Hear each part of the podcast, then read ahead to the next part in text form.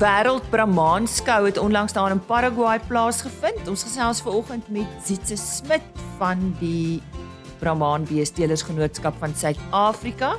Dan het dokters Renay Sutherland en Estian Retief van die Landbou Navorsingsraad in Rodeplaat en Stellenbosch navorsing gedoen oor die vroeë afsterwing van aartappels. Dis 'n grondgedraagde siekte wat groot probleme vir produsente in Limpopo veroorsaak. Ons hoor wat hulle daaroor te sê het. Nou as gevolg van die verbod op die vervoer van beeste is daar natuurlik nie vir oggend vleispryse nie, maar uh, ons het wel vir Chris Derksen vir sy uh, insette hieroor gevra en om daarbey aan te sluit, François Nels van Apac gesels oor die nuwe maatreëls wat toelaatbaar is en uh, ja, alles het natuurlik 'n groot impak op hierdie bedryf. Goeiemôre van my Lise Roberts. Dankie dat jy ver oggend ingeskakel het. Ons het verlede week op RSC Landbou met Johan van der Berg gesels. Hy was uh, vir so 'n paar weke uitstedig en uh, ja, hy was in Europa. Nou ek dink dis nie nuwe nuus nie. Ons is bewus van die hittegolwe, die brande eintlik reg hierdie wêreld en ook uh, die ys wat in Antarktika al hoe minder word. Maar Johan, ja, wat se ervaring het jy en en wat is jou opinie en wat is die realiteit? Goeiemôre. Goeiemôre.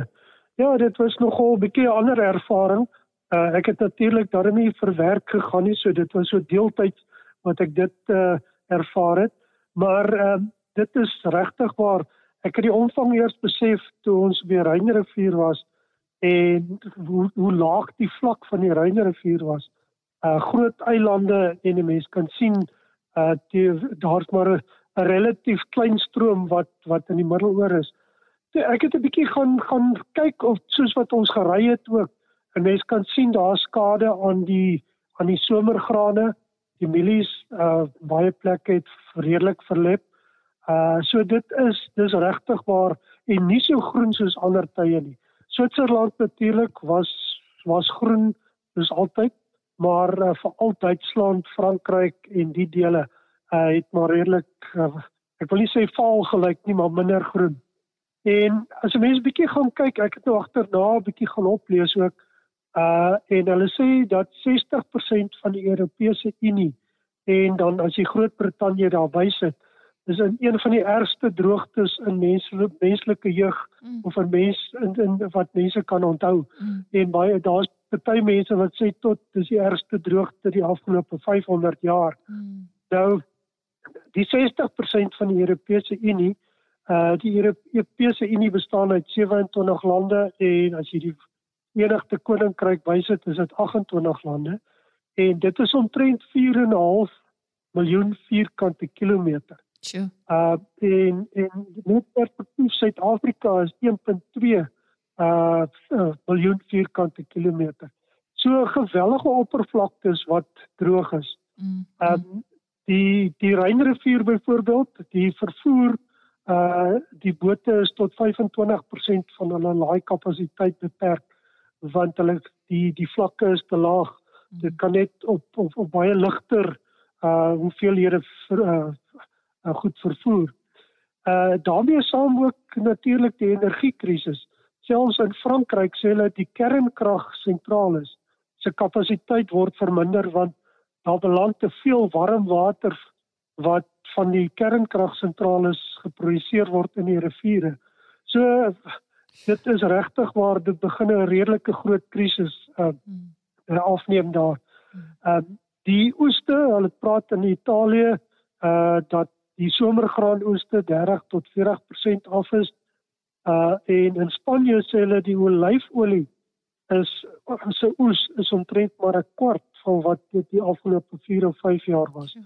So ja, ek, ek dink ons moet ook maar uh, uh dit in perspektief sien dat dit nie altyd net hier by ons kan sleg gaan nie, maar ook in ander lande. En ek dink uh, mense en diere is ook nie gewoond daaraan nie.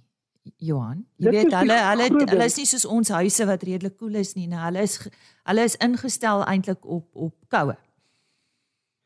Dit is die ding, die hotelle waar ons gebly het en dis waarskynlik nou die die die beste hotelle nie.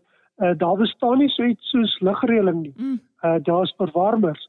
so geweldig warm gewees en dis baie waar wat jy sê. Uh so maar uh die een van die oorsake natuurlik is maar klimaatsverandering en uh in hiervan 1980 af het die noordelike halfrond omtrent dubbel die verwarming getoon as die suidelike halfrond want die temperature het omtrent 1 graad Celsius in die noordelike halfrond gestyg terwyl die suidelike halfrond omtrent maar so 'n half graad Celsius gestyg het. Hmm. So dit is maar een van die effekte en natuurlik die ander ding die drie agtereenvolgende La Nina verskynsels het selfs in die noordelike halfrond 'n effek. Ons sien dit in die FSA, die die mielies is die tweede swakste die afgelope 5 jaar hierdie tyd van die jaar. Uh en uh, ons sien dan uh, in Europa ook dit het maar 'n effek daarop. Hmm, hmm. Ehm um, en maar wat interessant is, die voorspellings nou vir die volgende paar maande wys bogemiddelde reën oor groot gedeeltes. So ek dink die volgende krisis in daardie gebiede is bogemiddelde reën en vloede. Hmm. So ja, uh Suid-Afrika is nie uniek wat dit betref. Ja, ons is gewaarsku van die een uiterste na die volgende. En dan het ons nog die brande ook.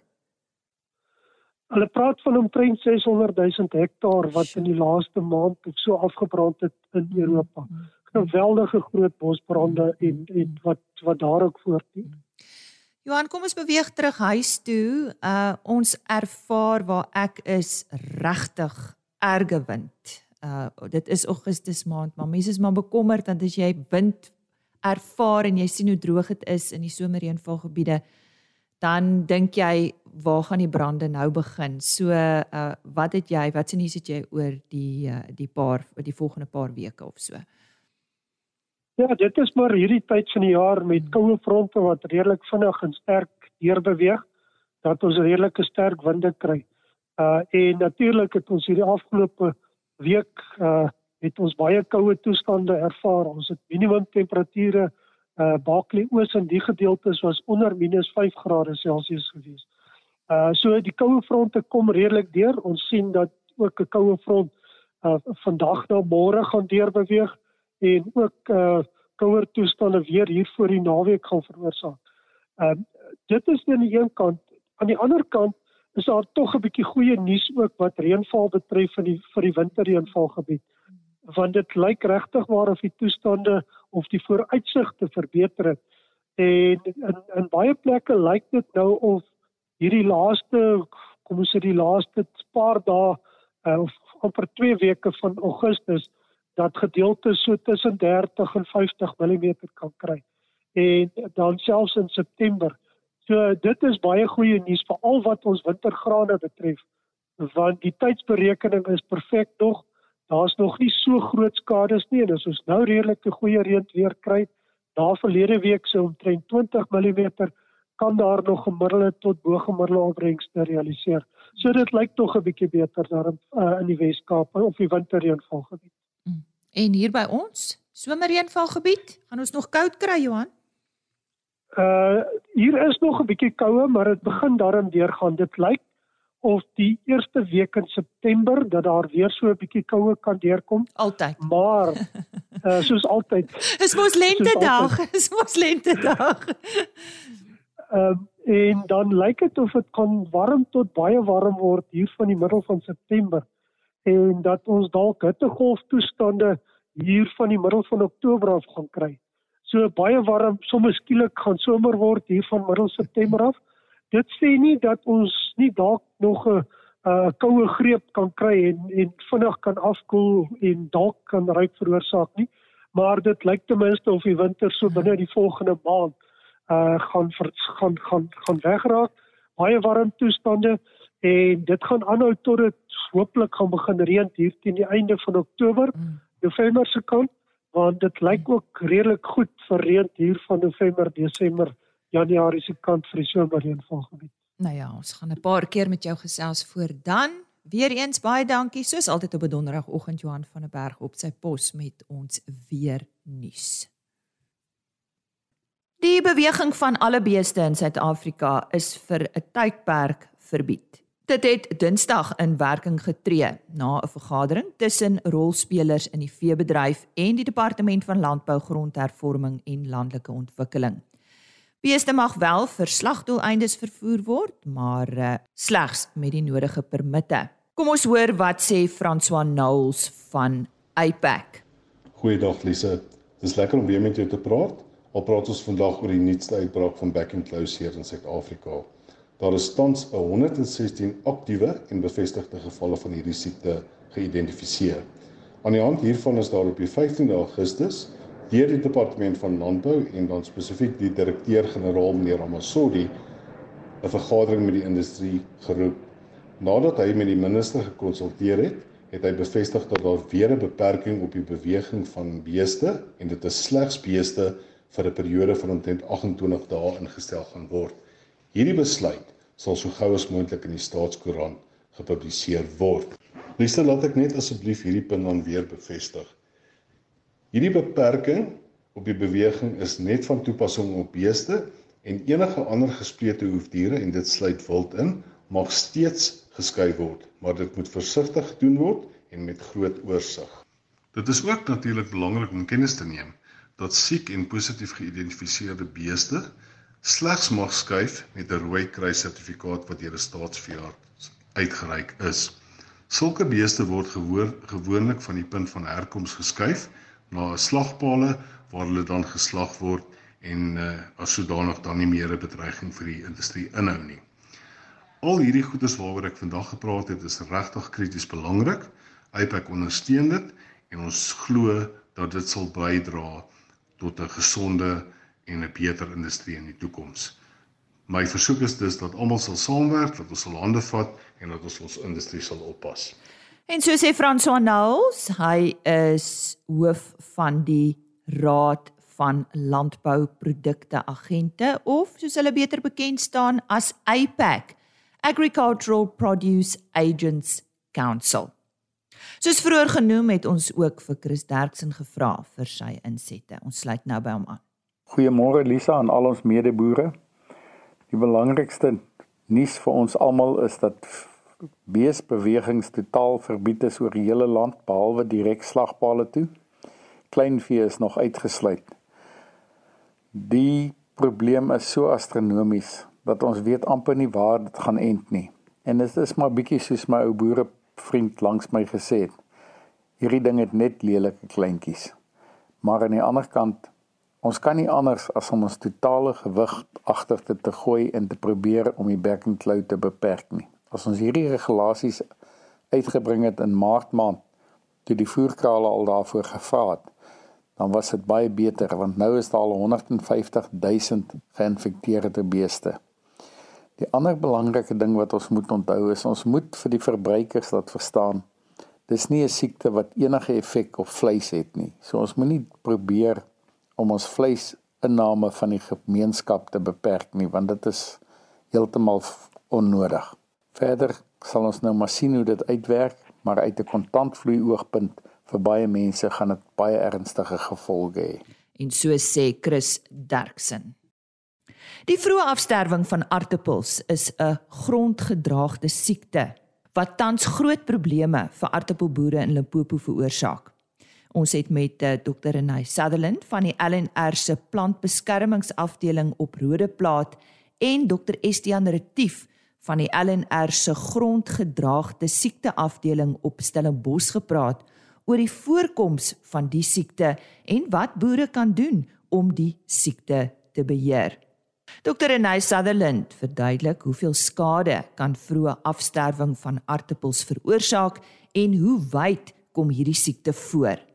Ehm um, ek sal sê op 'n oomblik is dit so 10% ehm um, verliese wat die boere ly en dit kom oor die hele Limpopo voor. Ons het dit gekry in Polokwane en Vivo en Dendron en in Tomburg. So oral in kan ek sê in Polokwane area. Daar is al 'n paar gevalle ehm um, genoem, maar meestal vind dit voor in Limpopo omdat die plante baie gestres is deur die hoë hitte. Wat veroorsaak die siekte en wat kan boere doen om die voorkoms van hierdie siekte te verminder? Okay, dis 'n kompleks van verskillende organismes so ehm um, Verticillium, Colletotrichum, Fusarium, ehm um, Rhizoctonia, ehm um, Macrophyllomina en jou bakteriese sagte vrot ehm um, patogene speel almal 'n rol, partykeer meer die een maar die ander ene maar dis altyd of dis gewoonlik 'n kompleks. En die enigste manier om dit te beheer is om die, te kyk na grondgesondheid. So dit help nie jy probeer die goed doodspuit nie. Ons moet eintlik die grondgesondheid verbeter. So ons moet die goeie organismes in die grond verhoog sodat hulle kompetisie kan wees vir die patogene. Wel, um, ons is op oomblik te kyk hoe kan ons die grondgesondheid verbeter? Um, ons vermoed as jy um, die kompos verhoog, um, kan dit grondgesondheid verbeter of deur biologiese um, produkte by te voeg kan dit ook grondgesondheid verbeter. Um, ons het nog nie 'n studie gedoen om te sien of dit die siekte heeltemal kan um, vir um, kan ek sê verbreek of verminder nie, maar dit sal definitief die siekte onderdruk. Ons het nou gehoor die vroeë afsterwing van aartappels word deur 'n kompleks van organismes veroorsaak. Maar wat is die belangrikste van hierdie organismes wat die siekte veroorsaak en wat is die effek van die organismes op die aartappelplant? Dr Estian Retief verduidelik. So die belangrikste organismes wat betrokke is by vroegsterwing van aartappels is Verticillium dahliae, Dis is ehm um, die swammetjie en dan ook die swammetjie Colletotricum cocoides en dan um, sagte vrot bakterieë meer spesifiek van die Pectobacterium spesies. So die effek wat die organ organismes meestal het, is dit begin met 'n vergeling van die plant se blare, meestal aan die onderkant van die plant, omdat die organismes maar meestal in die grond voorkom, begin die siekteontwikkeling aan die onderkant.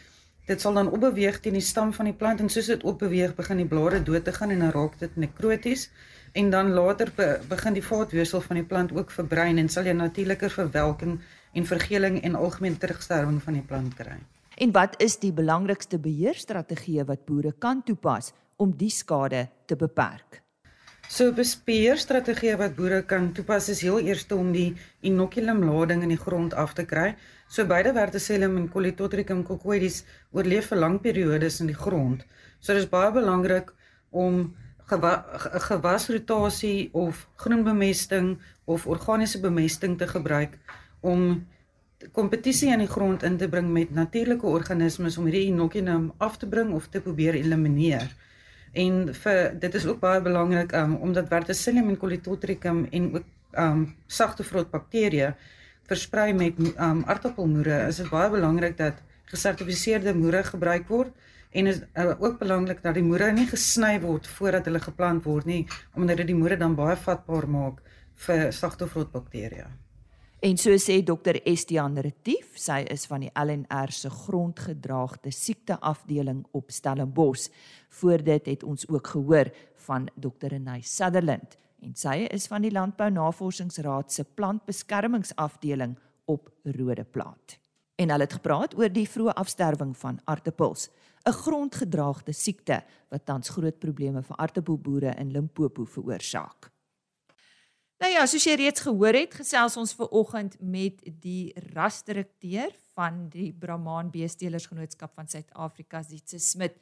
Zitse, opwindend. Julle was nou onlangs by die Wêreld Brahman Skou in Paraguay. Wanneer was dit? Lisa, ja, dankie weer eens vir die geleentheid dat ons het om met jou 'n bietjie te kan kuier oor ons mooi ras. Ja, ek en die president van die Brahman Genootskap, Wayne Porter, het die geleentheid gehad. Dit was in die middel van Julie wat ons die wêreldskou bygewoon het in Assumption. Ehm um, dit was ook ons eerste geleentheid wat ons in die Suid-Amerikas kon gaan kuier. Ehm um, ons was regtig verras oor die kwaliteit van diere wat ons daar gekry het.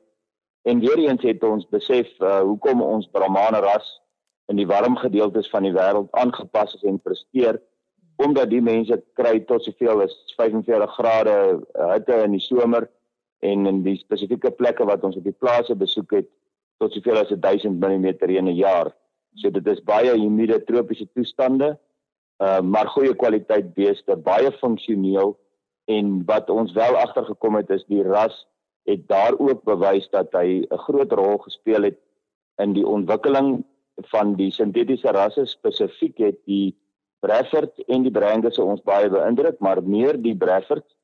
Ehm um, uh, as ons hulle sou vergelyk met die Suid-Afrikaanse diere, sou ons sê dat die Brefferts wat hulle daarmee boer 'n bietjie meer uh tradisionele Brahman voorkoms het, met ander woorde gladder hare, minder minder hare, goeie haarkwaliteit en dan op die einde 'n bietjie meer Brahman oor alhoewel hulle die soortgelyke ontwikkelingsstelsel gebruik het as wat die Amerikaners oorspronklik gebruik het om die ras te ontwikkel. Ehm um, ons het ook die voorreg gehad om suiwer zebu tipes te kan sien en spesifiek op die skou was daar ook 'n goeie uitstalling van Nelore tipes. Nou soos wat die meeste luisteraars sal weet, dit is een van die oorspronklike oerrasse wat gebruik was in die ontwikkeling van die Brahman ras soos wat ons hom vandag in wêreldwye toestande ken en dan ook spesifiek in Suid-Afrika. Mm, mm. Julle het heelwat groei getoon ook die afgelope tyd gesels met ons daaroor, Zietse. Ja, ons is in die bevoordeelde posisie. Ek dink op 'n vorige geleentheid het ek vir jou gesê dat ons het ehm um, ons hulpstamboekstelsel weer 'n keer hersien en dat ons ehm um, ons werklik waar goeie aanvraag kry van jong en opkomende boere wat wil begin boer met suiwer Brahman tipes.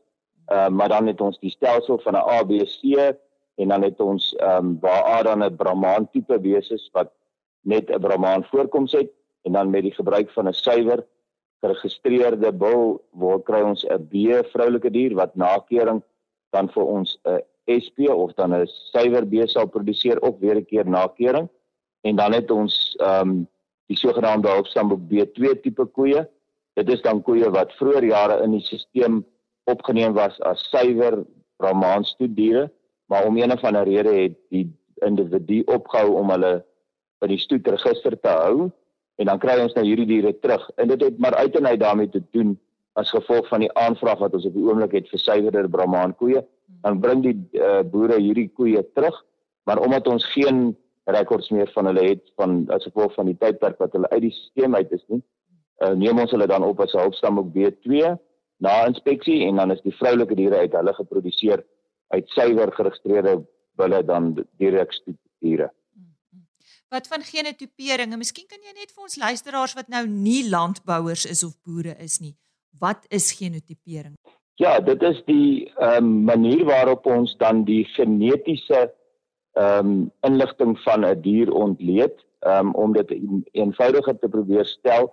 Ehm um, ons het altyd gebruik gemaak van uh die sogenaamde DNA-analise of DNS-analise waar ons dan spesifieke merkers van 'n die dier sou gebruik het om net spesifieke eienskappe te meet of om net byvoorbeeld te bevestig dat 'n dier of 'n bul is dan wel die vader van spesifieke nageslag. Uh, maar in die geval van die genotipering het ons verskillende merkers en daar's ook verskillende in densities of dan intensiteite waarteen die genotipe of die genotype om die Engelse woord te gebruik mm. getoets word.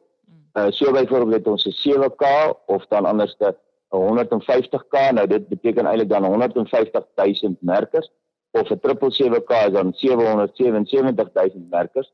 Maar die een wat ons gebruik in ons ras is die sogenaamde 50k 50000 merkers en ons doen dit spesifiek deur 'n laboratorium uh, met die naam van NewGen wat in Skotland ge uh, is en ons stuur dan die biologiese materiaal nadat ons dit in Suid-Afrika versamel het en op 'n spesifieke manier voorberei word dit uitgestuur en dan doen hulle die analise daar.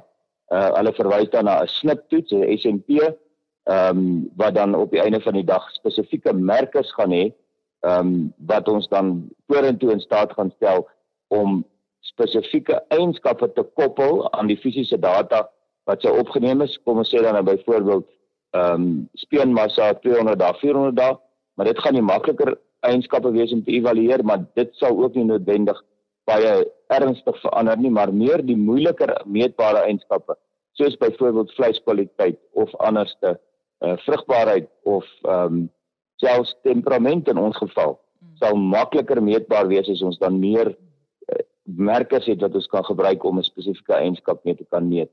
Ongelukkig is dit so dat nie 'n gewone enige landboukundige persoon kan die analise doen nie. Daarom maak ons gebruik van die diens wat verskaf word deur die LRF Uh dit is die gesamentlike groep vir al ons rasse wat ons eie ehm um, registrasie hanteer wat selfregistrerend is.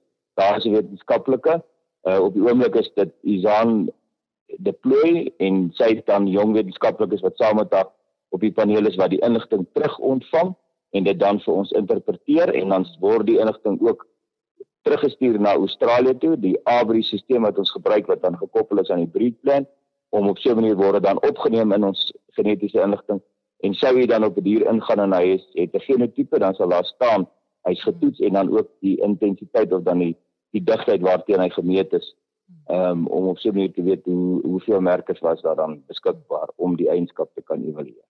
Indrukwekkend sitse. Sitse ek weet daar's heelwat fokus word daar deesdae geplaas op pryse wat vee behaal wil. Maar eh, hoe hoe staan ons nou met die Brahmane? Kan jy met ons daaroor gesels? Lise weer eens is ons in die algemeen bevoordeel dat dit nog eintlik met ons ras goed gaan. Ehm um, ten spyte daarvan dat daar druk is vanaf uh omstandighede waarop waarop ons Brahmanteelers nie noodwendig beheer het nie. Maar soos almal weet, uh, het ons die afgelope tyd die ehm um, ongelukkigheid dat back and closure deur die land versprei het en in verskillende provinsies het dit verskillende intensiteite en en en ehm um, effekte gehad en dit het dan nou veroorsaak dat ons op hierdie stadium geen diere kan uitvoer na ons onmiddellike dierstate toe nie um, omdat ons status nie meer aanvaarbaar is vir hulle nie en daarom kan ons geen lewende dier uitvoer nie, ook nie semen nie. Ehm um, en dit het 'n korttermyn effek op ons direkte aanvraag. Ehm um, ja, maar boonbehalwe dit is die gemiddelde pryse wat ons kommersiële bulle behaal as ek dink aan veilinge wat plaasvind dit soos die Oos-Transvaal bouveiling. Ehm um, en dan het ons veilinge in Natal gehad. Ons het uh verskillende veilinge gehad in die Vrystaat en daar's nog steeds in die volgende komende maand sowel as in September verskeie bouveilings sowel as produksieveilings wat plaasvind. Um, in die algemeen hou ons pryse goed. Ehm um, ek wil amper sê bulle in die omgewing van R50000 en meer vir die kommersiële teele en dan ons vroulike diere het rapsie goedkoper geword as ek dit die woord so mag gebruik, maar daar bly steeds 'n goeie aanvraag vir suiwer Brahman vroulike diere en dan natuurlik ook vir stoet diere, veral jong verse ehm uh, wat dan deur die jonger op en op die komende mark gekoop word om nuwe stoetery mee te begin. Ons het ongelukkig as gevolg van die uh effekte van Back and Claw het ons 'n besluit geneem dat ons die nasionale skou wat sou plaasvind in die eerste week van September, dit is tot en met die 9de September het ons nou uitgestel as ook dan ons nasionale veiling het ons op hierdie stadium besluit gaan ons heroorweeg. Ons gaan vir teruggaan na die teelers toe en 'n nuwe datum soek vir hierdie jaar nog om dit dan te laat plaasvind. Ehm um, maar afhangende van wat dan nou uit die aard van die saak die situasie is met back and close. Sodra dit verbeter het, dan sal ons met 'n meer werkbare plan kom en dan sien maar of ons nasionale veiling gaan gaan hou. Ons nasionale kampioenskappe is dan uitgestel vir 'n volle jaar, wat dan beteken ons gaan dit dan eers weer in 2023 hou, ook dan by by Parys soos wat dit nou hierdie jaar sou voorgestel het. Gereelde RC landbou luisteraars, ons sal definitief almal op hoogte hou van datums daar's heelwat veilingdatums wat uh, verander as gevolg van die uh back enclosure krisis wat uh, tans heers. Ons sê baie dankie aan die rasdirekteur van die Brahman Beestelersgenootskap van Suid-Afrika, Zietse Smit. Dis dan vandag se RSC landbou en my kuier saam met jou vir hierdie week. Indien jy graag na een van RSC landbou se onderhoude wil luister wat jy dalk uh, weer na wil luister of misgeloop het, die maklikste www agriorbit.com www.agriorbit.com Die volledige program op rsg.co.za is potgooi beskikbaar en 'n e-posadres rsglandbou@plaasmedia.co.za Ek is dan nou weer maandagooggend om 5:00 op my pos met nog landbou nuus. Geniet jou naweek. Totsiens. RSG Landbou is 'n plaas media produksie met regisseur en aanbieder Lize Roberts en tegniese ondersteuning deur Jolande Rooi.